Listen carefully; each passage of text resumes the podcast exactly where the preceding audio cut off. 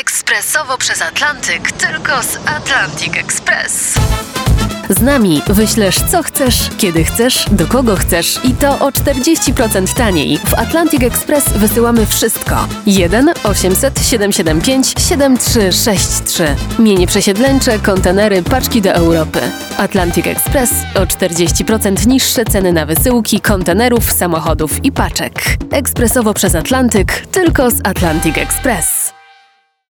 On wiedział o każdym moim kroku. Wpajał mi do głowy, że jeśli nie stanie się to, co się wydarzyło, stracę mojego syna. Kobieta zauważyła, że miga alarm zamontowany w domu. Była przekonana, że to tylko jakiś błąd systemu. Płatni zabójcy, seryjni mordercy i sceny zbrodni w RMFFM. Tym razem w scenach zbrodni gość, ekspert od wariografu. No, ciekaw jestem, czy ty się przygotowałeś jakoś yy, na wizytę specjalisty od wykrywacza kłamstw. Ja postanowiłem zresztą jak zawsze, że przez cały odcinek nie będę ani trochę kłamał, tak na wszelki wypadek, żeby potem nie było nieporozumień i problemów. A ja wziąłem taką koszulę, w której, o proszę, da się podciągnąć rękawy naprawdę wysoko, jakby trzeba było gdzieś tutaj umieścić jakąś diodę czy czujnik. No jak słychać, my jesteśmy przygotowani, by zmierzyć się z poligrafem. A więc będzie gość, będą sprawy z Polski, będą sprawy z zagranicy. W skrócie podcast pod tytułem Wariograf Wykrywacz zbrodni. Daniel Dyk i Kamil Barnowski prezentują Sceny zbrodni w RMFFM. Dzisiaj gość wyjątkowy. Zanim go jednak przedstawimy tytułem wprowadzenia. Na świecie pierwszy wariograf z prawdziwego zdarzenia pojawił się w roku 1921, a więc z okazji stulecia tego wynalazku dziś chcemy opowiedzieć o sprawach, których nie udałoby się wyjaśnić, gdyby nie to urządzenie. Z nami Piotr Sukiennik, wykładowca technik kryminalistycznych w uczelni techniczno-handlowej imienia Heleny Chodkowskiej w Warszawie. Dobry wieczór. Dobry wieczór, kłaniam się. Także- Redaktorze, kłaniam się Państwu. Także wiceprzewodniczący Polskiego Stowarzyszenia Poligraferów. I właśnie, tu poligraf, tu wariograf, tu wykrywacz kłamstw. Czy w ogóle chodzi o to samo urządzenie? To jest slogan jednego i tego samego właściwie urządzenia w wielu kontekstach e, rozpatrywany. Jeśli chodzi o nazwy tak naprawdę, to wynika to z różnorodności e, i e, tematyki i tego, jak w poszczególnych państwach znaczenia tych słów są odbierane. Ale słyszałem, że y, niektórzy eksperci właśnie od poligrafu nie lubią, żeby nazywać go wykrywaczem kłamstw. Istotnie, bo to wynika y, zasadnicza, podstawowa taka y, kontrowersja, jeśli chodzi o tą nazwę, bo nie istnieje coś, co można by było w ten sposób nazwać. Nie ma urządzenia, które by kłamstwo identyfikowało i wykrywało. Jest to y, urządzenie, jeśli mowa o wariografie, które tak naprawdę jest w stanie notować zmiany emocjonalne, które przejawia osoba poddawana temu testowi. Natomiast y, nie identyfikujemy prawdy i kłamstwa, to czy ktoś mówi prawdę, czy też y, mówi nieprawdę, a to, czy jego reakcje wskazują na to, że z tą prawdą ma coś wspólnego lub odwrotnie, czy się z nią rozmija. Zawsze jak y, wyobrażamy sobie wariograf, poligraf, to widzimy człowieka, który jest podpinany do jakichś y, diod, do jakiejś tam sprężyny wiszą, jakieś urządzenie, maszyna, która zapisuje, pokazuje wychylenia. Czy tak wygląda badanie y, współczesnym wariografem, czy to są nasze jakieś wyobrażenia z przeszłości? Musimy spojrzeć na to jakby, tak jak Pan sam sugerował, z perspektywy czasu, który upłynął. Pierwsze urządzenia zupełnie inaczej wyglądały. Te, które pamiętamy do momentu, kiedy się pojawił jakby w ogólnym dostępie komputer, zdefiniowało właściwie próg zamykający pewne etapy tego rozwoju urządzenia w wersji analogowej, a przeszliśmy na współcześnie działający y, taki właśnie wariograf, który je- pracuje na podbudowie komputera, laptopa, czy też stacjonarnego urządzenia, który jest komputerem. I tak naprawdę sam wariograf to oprogramowanie, interfejs, który bezpośrednio jest analizatorem tych wszystkich y, czujników, które my wykorzystujemy w tym badaniu. I osoba, którą widzimy często na zdjęciach, siedząca na fotelu, to tak naprawdę y, osoba, która podlega tym testom i ta osoba jest jednocześnie podpięta pod kilka czujników równolegle pracujących w czasie tego badania i testu, które przenoszą informacje poprzez interfejs na obraz komputera i w graficznym obrazie rejestruje wszystkie emocje, które przenoszone są poprzez te czujniki. Jeśli chciałby Pan wiedzieć, jakie to czujniki, to ja tutaj kilka podstawowych jestem w stanie wymienić, które my stosujemy. Na przykład osoba, która przejawia określone emocje, będzie na pewno reagowała emocjami w sensie zmian napięci, napięcia mięśniowego. I to są tak zwane czujniki ruchu.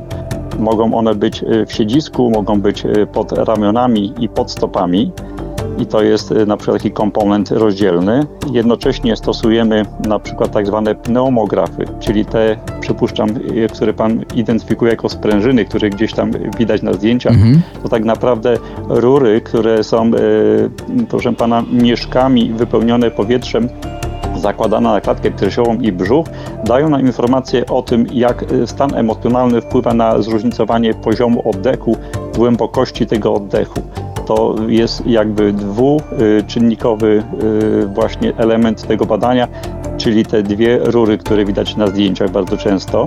Następny element zakładany na przykład na palce dłoni, to jest tak zwana y, pomiar oporności elektrycznej skóry. I tutaj mówimy o tym EDA czy, lub też GSR, to już takie nazewnictwo y, funkcjonuje slangowe, jeśli chodzi o ekspertów w tym zakresie. Tak czy inaczej, czujnik sam w sobie polega y, w wykorzystaniu na tym, że możemy mierzyć różnicę potencjału elektrycznego skóry. Zmienia się ten potencjał jeśli my się denerwujemy, jeśli nasze emocje są y, większe, to często nasza skóra troszeczkę więcej potu produkuje i fakt istnienia tego potu zmienia oporność elektryczną skóry. Jest to czynnik, który też możemy y, rejestrować, na bieżąco monitorować. I dodatkowo wykorzystujemy na przykład taki element, który może być tak zwanym pletyzmografem, czyli urządzenie zakładane na palec, które mierzy stan ukrwienia naczyń tych podstawowych, które tutaj tuż pod skórą się znajdują, objętość y, tej krwi, ilości przepompowywanych pod wpływem emocji będą zmienne wskazówki odbierane właśnie tym czynnikiem dodatkowo, jeśli chodzi o tą możliwość. A ponadto standardowo stosowany jest taki mankiet, który wszyscy znamy, jeśli na przykład sobie ciśnienie staramy się zmierzyć. Ten sam mankiet wykorzystywany jest tutaj w tym badaniu. Mierzy on tętno i ciśnienie w czasie całego procesu badania. Suma tych czujników to jest podstawowy zbiór, który wykorzystujemy. One równolegle podpięte pod interfejs zbierają te informacje i w obrazie graficznym notują wszystkie te fakty podczas trwającego badania. Czy pan, y, patrząc na te już teraz cyfrowe urządzenia, otrzymuje wynik zgodny z prawdą, niezgodny z prawdą, czy musi analizować właśnie te, te, te skale wychyleń i tak dalej? Rzecz wygląda w ten sposób, że obraz, który my y, widzimy, jest to często il, duża ilość krzywych i, i, takich zmiennych, y, kolorystycznie uwarunkowanych tym, jak poszczególne czujniki mamy w zapisie wskazane i jeśli to jest doświadczony poligrafer, to y, widząc obraz bieżącego badania, może te wnioski y, takie pierwsze wysnuć.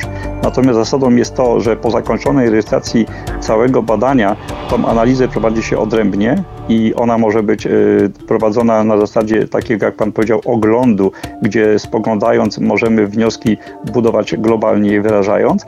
Natomiast taka precyzyjna ocena tych wyników jest to y, wyliczana matematycznie uśredniona, taka, która oddaje skalę y, tego, co w tych wynikach możemy zdefiniować właśnie wykazując w procentowych wartościach wyniki, które uzyskujemy.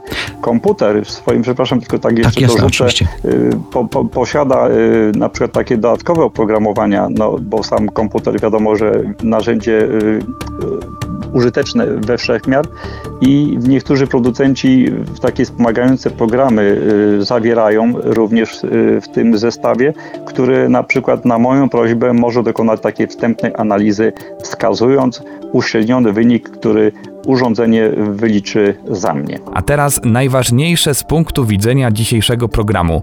Czy badanie poligrafem może być dowodem w sprawie kryminalnej? Nasze uwarunkowania prawne chwilą bieżącą już od kilkunastu lat y, są tak y, zdefiniowane, że to badanie jest dowodem i jest dopuszczalne y, wykorzystywanie prawne tego urządzenia właśnie w celach dowodowych. Stąd tylko różnicą, że zapis definiuje wykorzystywanie tego urządzenia na progu, y, jakby to powiedzieć, y, nie dowodu bezpośredniego, a dowodu poszlakowego. To jest poziom taki, jak na przykład jest przyjęty dla przedstawienia y, dowodowego fotografii bądź nagrań wideo, y, bądź też dźwięku. To są dowody, ale o charakterze poszlakowym. Natomiast y, przesłanie świadka do odmiany jest dowodem zasadniczym. I ta różnica stwarza pewne niedogodności i pewnie niedomówieni wiele, jeśli chodzi o pogląd na przydatność tych badań, jeśli chodzi o wykorzystywanie procesowe. Podejrzewam, że taką sporą niedogodnością jest również to, że e, podejrzany musi się zgodzić na badanie wariografem. Zdecydowanie tak. Bez zgody badanego badanie jest niewykonalne, bo to praktycznie warunkuje kwestię rozpoczęcia tego badania i przeprowadzenia wszystkich testów bezwarunkowo, przy czym y, sytuacja tych uwarunkowań często stwarza taki paradoks y, poglądów, który można sobie w oparciu o nie wyrobić. Jeśli 10 osób y, zaproponowanych do badania, 9 się godzi, jeden nie, to można pewne sugestie na tej podstawie jako wolne wnioski również stawiać. A czy w ogóle można nauczyć się jakoś wariograf oszukiwać? W mojej opinii nie jest to możliwe. Wynika to z tego, że wielorodność testów, które są wykorzystywane i stosowane, stosowane dzisiaj w badaniach, y, są dedykowane ogólnie przyjętym trendom międzynarodowym w systemie takich uwarunkowań, które w całym świecie dominują w tym zakresie. I na przykład progi decyzyjne, y, a również testy, które są wykorzystywane, są gradacją y, dopuszczalności z uwagi na ich wartość procentowego użytku, tak to nazwijmy. Bo na przykład jeśli wykonuje badanie na rzecz e, spraw procesowych, gdzie standaryzacja musi być wysoko postawiona i musi być precyzyjny w wyrażaniu wszystkich poglądów, bo od tego wiele zależy, to będę dobierał testy, które są bardzo precyzyjne i e, powiedzmy na pograniczu skuteczności 97% albo nawet i wyżej. Natomiast jeśli to są badania y, tak zwane wolnorynkowe, bo komercja w zakresie tych badań również szeroko popularyzowana, tutaj skuteczność tych badań może być przyjmowana wyrażającymi się testami, które są mniej skuteczne i są one na pograniczu powiedzmy sobie powyżej 80%. Czyli jak zwykle maszyna jest tylko maszyną, ale to od Tak. poziomu eksperta najwięcej tutaj zależy też. Zdecydowanie. Bardzo dziękujemy za rozmowę. Dziękuję również. A za chwilę pierwsza sprawa, której bez wariografu nie udałoby się wyjaśnić.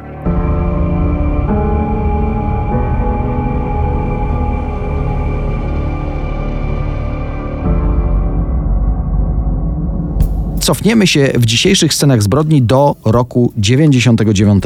Sprawa, która nie została wyjaśniona, została umorzona ze względu na brak dowodów. No niestety w aktach policyjnych wiele jest pewnie podobnych przypadków, ale o tej sprawie zrobiło się szczególnie głośno, bo po latach pomógł wyjaśnić największą tajemnicę mm, tej zbrodni wariograf. Wykrywacz kłamstw odegrał tutaj kluczową rolę. Ale jak zwykle u nas po kolei. Jest noc z 2 na 3 marca 1999 roku, miejscowość Górzyca, województwo lubuskie. Po raz pierwszy tam właśnie spotkali się Paweł W., młody chłopak, 18 lat oraz 47-letni mieszkaniec Dębna. Panowie widzą się po raz pierwszy, to trzeba podkreślić, czyli nie ma między nimi jakichś nieporozumień, jakichś zadawnionych konfliktów, nic. A jednak ta noc dla jednego z nich kończy się tragicznie. Wszystko wskazuje na to, że pomiędzy mężczyznami dochodzi do kłótni, a w końcu 18-latek pobił starszego mężczyznę tak brutalnie, że ten umiera wskutek odniesionych obrażeń. Powiedzieli, że wszystko wskazuje, iż tak wyglądały wydarzenia tej feralnej nocy, a jednak w śledztwie to już nie jest takie oczywiste. Rozpoczęło się mozolne poszukiwanie sprawcy, przesłuchania świadków jednak nie wyjaśniły wiele. No, nie udało się ustalić, kto zabił i dlaczego. Po kilku miesiącach sprawa zabójstwa utknęła nomen omen w martwym punkcie, no i została umorzona. Nie pierwsza tego typu i pewnie niestety nie ostatnia taka sprawa. Zabójca może cieszyć się w takim wypadku wolnością, natomiast rodzina zamordowanego mężczyzny nie doczeka się sprawiedliwości. Oni żyją w poczuciu niesprawiedliwości, że wyrządzona im krzywda nigdy nie doczeka w żaden sposób zadośćuczynienia. I wygląda na to, że tak by już w tym wypadku pozostało. Ale, no właśnie, 4 lata e, po tej zbrodni w 2003 roku w mediach głośno o e, takim urządzeniu jak wykrywacz kłamstw. Nowelizacja kodeksu postępowania karnego i w tym nowym kodeksie w Polsce badanie na wariografię zostaje uznane za dopuszczalną metodę działania policji i najważniejsze, wyniki takich badań mogą być z ograniczeniami, ale jednak wykorzystane w toku prowadzonego śledztwa. To pozwala wrócić do tak zwanych spraw niewyjaśnionych, a jedną z takich, która nie dawała spokoju lubuskim policjantom jest właśnie tajemnicze pobicie z górzycy. I my do tej sprawy wrócimy za moment. W scenach zbrodni w stulecie wariografu no, poświęcamy cały odcinek sprawom z wykrywaczem kłamstw. Przypomnijmy, jest rok 1999. W Lubuskiem doszło wtedy do pobicia, wskutek którego zmarł 47-letni mieszkaniec Dębna. Po kilku miesiącach nie udało się ustalić winnego i sprawa została umorzona, ale policjanci wrócili do tego śledztwa w 2008 roku, kiedy kodeks dał im nową broń wykrywacz kłamstw. Kolejne miesiące analizowania zeznań świadków, później kolejne miesiące, gdy tych kluczowych w tym postępowaniu zaproszono ponownie, by opowiedzieli o wydarzeniach tamtej feralnej nocy, co jeszcze pamiętają. No bo coś się przecież nie zgadzało. A co? No to właśnie pomógł ustalić wariograf. W trakcie badania na wariografię Pawła W., teraz to mężczyzna w średnim wieku, wtedy 18-latek, o, ten wariograf wskazał, że może on być, delikatnie mówiąc, nieszczery wobec śledczych. W ten sposób Trop naprowadził policję do nieczynnej od lat studni. To właśnie tu spodziewano się znaleźć dowody obciążające mordercę. Dodajmy, że jeśli chodzi o śledztwo, to jesteśmy w momencie, gdy od tragicznego pobicia minęło aż 12 lat. Ta studnia została zasypana. Mówi się czasem o przekopywaniu się przez akta. Tutaj trzeba było dosłownie przekopać się przez tony gruzu. Jak to się mówi w śledztwach, trzeba było kopać głęboko. Wiele, wiele metrów ziemi, gruzu i śmieci. Ale wyobraźcie sobie, znaleziono w końcu przedmioty, które stały się mocnymi dowodami. Jednoznacznie wskazywały, że to Paweł W. pobił wtedy 47-latka w Górzycy. Ustalono, że on przebywa w województwie pomorskim i to tamtejsi policjanci go aresztowali. 12 lat od popełnienia zbrodni, 300 kilometrów dalej, mężczyznę zatrzymano w momencie, w którym nie spodziewał się, że sprawiedliwość może się jeszcze o niego upomnieć. W scenach zbrodni obchodzimy dziś stulecie wariografu. Od kilkunastu lat może być on stosowany także w postępowaniu karnym w Polsce. Co prawda przed sądem wyniki badań wykrywaczem kłamstw brane są pod uwagę tylko jako dowód poszlakowy, a jednak w śledztwie wariograf pozwala nakierować policję na właściwy trop. A jednak kolejna sprawa to właśnie przykład, że i przed sądem wariograf jest ważnym narzędziem w drodze do prawdy. Sprawa z tych najświeższych, bo wyrok zapadł w 2020 roku, ledwie kilka miesięcy temu. I szczególnie trudno nam o niej mówić także dlatego, że zginęło czworo dzieci. W dodatku były to niemowlęta. No, niewyobrażalny dramat. Nie jesteśmy sobie w stanie nawet wyobrazić, co musiało dziać się w głowie kobiety, która przez 9 miesięcy nosiła pod sercem dziecko, a gdy przychodzi ono na świat, postanawia je zamordować. Lokalna opolska prasa pisała o tym makabryczna zbrodnia w Ciecierzynie. Sprawa wyszła na jaw w 2018 roku. Wówczas po tej wsi szeptano, że Aleksandra J. była w ciąży, a nie jest i nie ma dziecka. Zgłoszono to na policję i okazało się, że nie chodzi tylko o jedną ciążę. Według śledczych Aleksandra J. swoje pierwsze dziecko miała udusić w 2013 roku bezpośrednio po porodzie. Taki sam los spotkał jej kolejne dzieci w 2015, 16 i właśnie w 2018. Wtedy udusiła swoje czwarte dziecko, kobietę aresztowano i przyznała się do winy. Ale ta sprawa jest bardziej skomplikowana, bo jej partner zeznał, że nic nie wiedział o tych morderstwach. Ba, nie miał nawet pojęcia, że zostanie ojcem. Nie wiedział, że jego partnerka jest w ciąży, tak mówił śledczym. Cała wieś wiedziała, a on nie. Ale tej wersji on się konsekwentnie trzymał. Kobieta zeznała, y, zacytujmy, byłam przerażona, bo wiedziałam, jaka będzie reakcja Dawida na to, że jestem w ciąży. On wiedział o każdym moim kroku. Cieszyłam się każdą ciążą tak długo, jak tylko mogłam. Wpajał mi do głowy, że jeśli nie stanie się to, co się wydarzyło, stracę mojego syna. Właśnie, para miała już synka i kobieta bała się o jego życie. Tak, mówiła również, gdybym mogła cofnąć czas i odejść od Dawida, to zrobiłabym to. Ostatecznie Dawid W. został przebadany na wariografię i te badania wskazały, że celowo wprowadzał śledczych w błąd. Wyniki badań wariografem przedstawiono przed sądem okręgowym w Opolu, przed którym trwał proces. Kobieta twierdziła, że zamordowała ich wspólne dzieci, bo nie chciał tych dzieci jej partner, a ona była od niego uzależniona i tutaj cytuję: emocjonalnie i ekonomicznie. Między innymi wariograf wskazał, że Dawid W. wiedział o wszystkich ciążach, a co najmniej w jednym przypadku wywierał na kobiecie presję, by jakoś pozbyła się niemowlęcia. Sędziemu odczytującemu uzasadnienie wyroku co chwila łamał się głos. Musiał robić długie pauzy, by zapanować nad emocjami. Za zabójstwo i współudział w zabójstwie czterech noworodków, zarówno Aleksandra J., jak i jej partner Dawid W., usłyszeli wyrok dożywotniej kary więzienia. Jest jeszcze jeden dramatyczny wątek w tej sprawie. Jak wspominaliśmy, para miała jeszcze jedno dziecko, na którym ta zbrodnia odcisnęła ogromne piętno. Ojciec niespecjalnie się synem interesował, ale z mamą miał bardzo silną więź. Rozgłos medialny, utrata czwórki rodzeństwa, rodzice mordercy w więzieniu. Nawet nie jesteśmy w stanie sobie wyobrazić, jak samotnym musiał się poczuć na tym świecie.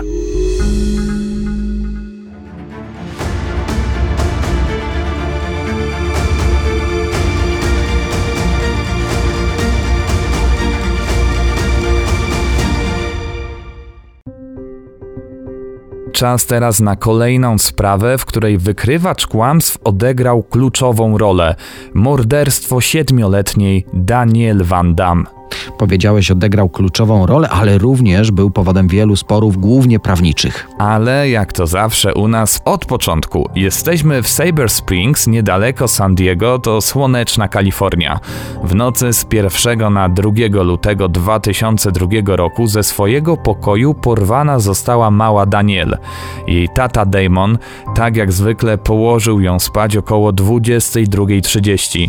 Mamy nie było wtedy w domu, bo 1 lutego wypadał w piątek, dlatego Berenda Van Damme wyszła ze swoimi koleżankami do lokalnego baru. Tam spotkała swojego sąsiada Davida Westerfielda, który mieszkał zaledwie dwa domy od nich. Kilka dni temu, dodajmy też, razem ze swoimi córeczkami odwiedziła tego sąsiada podczas sprzedaży ciasteczek na cele charytatywne. Berenda razem ze swoimi znajomymi przeniosła się z baru do jej domu. Była około druga w nocy, kobieta zauważyła, że drzwi od jej garażu są otwarte i miga alarm zamontowany w domu. Berenda była jednak przekonana, że to jakiś błąd systemu. Nad ranem jej mąż również zauważył migający alarm, dodatkowo uchylone przesuwne szklane drzwi prowadzące na podwórko. Jakoś tym zbytnio się nie przejął, po prostu wrócił do łóżka. Dopiero gdy y, małżeństwo już wstało, zauważyło, że ktoś porwał ich córkę. Na policję zadzwonili dokładnie w sobotę 2 lutego o 9.39. Poszukiwania siedmioletniej Daniel Van nie przyniosły żadnego rezultatu. Setki wolontariuszy przeczesywało tereny obok autostrad niedaleko San Diego. Sprawdzali gigantyczne pustkowia, robili co tylko mogli. Policjanci oczywiście na początku rozpytywali sąsiedztwo, czy widzieli zaginioną dziewczynkę. W swoim domu nie zastali tylko wspomnianego Davida Westerfielda, który zniknął zaraz po porwaniu Daniel. Mężczyzna oficjalnie wyjechał swoim kamperem poza miasto, gdzie podróżował po pustyni, wzdłuż oceanu. E, Jego alibi potwierdzały i bilingi telefonów, i świadkowie, i płatności kartą kredytową. Mimo tego sąsiad dziewczynki stał się podejrzanym w tej sprawie i właściwie od 5 lutego był pod stałym nadzorem policji. Zwłaszcza, że po powrocie bardzo dokładnie wysprzątał swojego kampera. Mężczyzna przekonywał jednak, że nie ma pojęcia, co stało się z zaginioną Daniel. To może przyjrzyjmy się temu sąsiadowi. David Westerfield, blisko 50-letni inżynier, niekarany.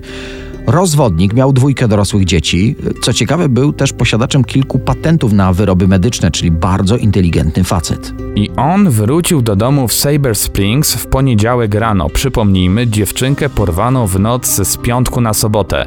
David od razu poszedł do lokalnej pralni chemicznej, gdzie przywiózł pościel i kurtkę. Co jeszcze bardziej nietypowe, był to bardzo zimny poranek, a on nie miał na sobie właściwie żadnego ubrania, tylko shorty i cienką koszulkę. Jakby gdzieś zostawił swoje ubrania, dodajmy, nie miał nawet butów. Mężczyzna został aresztowany 22 lutego, gdy analiza laboratoryjna wykazała, że na jego kurtce, mimo wszystko, mimo jego starannych zabiegów, znaleziono krew Daniel Van Damme. W jego luksusowym kamperze również natrafiono na ślady krwi dziewczynki, jej odciski palców, a także włosy. Dodatkowo w jego samochodzie znaleziono sierść psa rodziny Van Damme. Daniel odnaleziono 27 lutego. Jej ciało zostało porzucone obok drogi na dalekich przedmieściach San Diego. Zwłoki dziewczynki były już w zaawansowanym stopniu rozkładu, dodatkowo dzika zwierzyna też zrobiła swoje. Dlatego podczas sekcji nie można było określić dokładnej przyczyny jej śmierci oraz czy została wykorzystana seksualnie. Dodajmy jeszcze, że y, na komputerze Davida Westerfielda śledczy odnaleźli dziecięcą pornografię. Sprawa wydawała się wręcz oczywista. Wszystko składa się przecież w logiczną całość. ale jej rozwiązanie nie byłoby możliwe, gdyby nie wykrywacz kłamstw.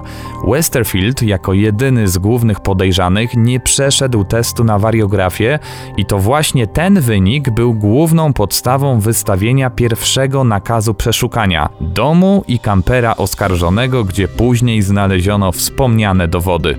Czyli można powiedzieć, że wykrywacz kłamstw pomógł, ale i zaszkodził, no bo tutaj rozpoczyna się zagwozdka prawna. W świetle prawa w stanie Kalifornia wynik badania na wariografię nie może być dowodem, nie może być okolicznością, która umożliwia wniosek o nakaz przeszukania. Czyli niejako dowody zdobyto nielegalnie i właśnie ten przypadek stał się powodem wielu prawniczych i urzędowych sporów. Dodatkowo podczas przesłuchań i testu Westerfield miał być poddawany gigantycznej presji śledczych. Odwlekano na przykład możliwość kontaktu oskarżonego z obrońcą. Trafiłem też na informację, że osoba przeprowadzająca test miała nie działać zgodnie z y, arkanami sztuki. Na przykład celowo podniesiono temperaturę w pomieszczeniu, y, zwiększono też czułość urządzenia, żeby uzyskać z góry założone rezultaty. Dodatkowo obrona zarzucała państwu Van Damme, że w ich domach często odbywały się no, różne szemrane imprezy i tak naprawdę nie wiadomo, kto był u nich tamtej nocy. Obrona wskazywała też, że na miejscu, gdzie znaleziono ciało dziewczynki i w jej domu nie znaleziono żadnych śladów oskarżonego. Eksperci od rozkładu ciała też nie byli jednogłośni. Jedni twierdzili, że larwy robaków sugerują, że dziewczynka zmarła w połowie lutego, a inni, że już dzień po uprowadzeniu. Ostatecznie 16 września 2003 roku decyzją ławy przysięgłych David Westerfield został skazany na karę śmierci. Według sądu oskarżony, wykorzystując nieobecność w domu matki dziewczynki, porwał ją, wykorzystał seksualnie, a potem ją udusił. Morderca obecnie przybywa w celi śmierci w tym słynnym więzieniu San Quentin i oczekuje na wykonanie wyroku. Nie wiadomo, czy do tego dojdzie, bo w Kalifornii od 2006 roku obowiązuje zawieszenie wykonywania kary śmierci. Na koniec warto dodać, że amerykańska prasa dotarła do informacji, według której prawnicy Westerfielda wynegocjowali ugodę ze śledczymi. Oskarżony przyzna się do winy i pokaże, gdzie ukrył ciało, w zamian za gwarancję dożywocia zamiast logicznej w tej sprawie kary śmierci. Ale przed zawarciem tego porozumienia wolontariusze, którzy pomagali w poszukiwaniach, znaleźli ciało siedmioletniej Daniel. Niedaleko miejsca, w którym znaleziono ciało dziewczynki, znajduje się wiadukt. Nosi obecnie nazwę Miejsca Pamięci Daniel Van Damme.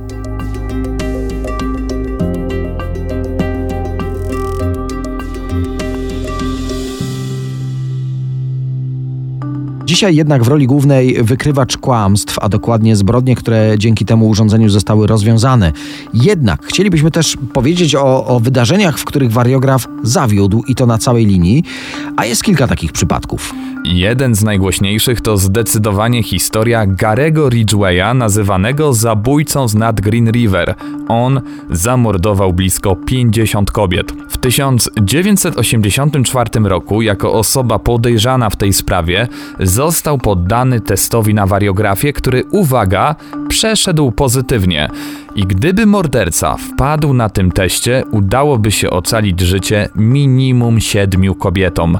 Złapano go dopiero w 2001 roku dzięki badaniom DNA. Sam e, Ridgway, zapytany później, jak udało mu się oszukać wykrywacz kłamstw, powiedział, że nie miał żadnego konkretnego sposobu, po prostu się zrelaksował. Ale późniejsza analiza jego testu wykazała, że morderca tak naprawdę kłamał w trakcie badania i źle zinterpretowano wskaźniki odpowiadające za emocje. Dodatkowo morderca z nad Green River był y, bardzo pomocny dla policjantów. On chętnie zgodził się też na badanie wariografem.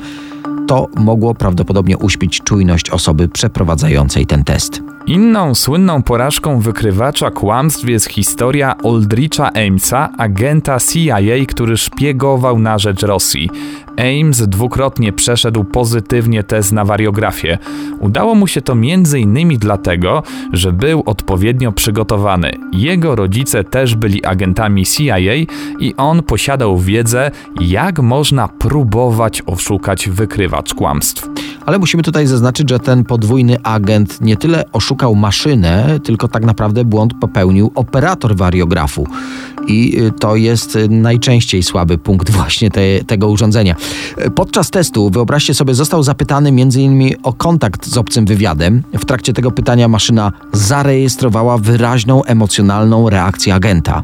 Ale operator maszyny dopytał o te kwestie i Aldrich Ames wyjaśnił, że rosyjscy szpiedzy są wśród ludzi i mógł się z nimi spotkać nawet o tym nie wiedząc. Takie wyjaśnienie wystarczyło, a przyszłość pokazała, że osoba przeprowadzająca test została koncertowo zmanipulowana. Warto wspomnieć, że Ames był jedną z największych zdobyczy rosyjskiego wywiadu w historii. Amerykanin pracował jako analityk w CIA i zdobywał dla KGB ściśle tajne materiały. Na tej współpracy on sam miał zarobić około 3 milionów dolarów, ale no właśnie, ocencie, czy warto było. Aktualnie 79-letni Aldrich Ames odsiaduje wyrok dożywocia. No i proszę, no i obeszło się bez podpinania do poligrafu. Y, Chyba nasz ekspert zaufał nam, że i tak mówimy całą prawdę, jaką wiemy i tylko prawdę na temat y, spraw, które przedstawiamy w scenach zbrodni. Ale popatrz, taki ekspert to jest prawdziwy skarb. Mogliśmy rozwiać wszystkie nasze wątpliwości na temat wariografu. No, coś mi się wydaje, że to nie była ostatnia wizyta pana Piotra w naszym programie. Ja mam jeszcze w każdym razie dużo więcej pytań, czy je zadamy. No, sprawdźcie już za tydzień, słuchając podcastu Scen Zbrodni na rmfon.pl. A za dzisiaj dziękujemy Kamil Barnowski. I Daniel Dyk. Do usłyszenia. Sceny zbrodni w RMFFM.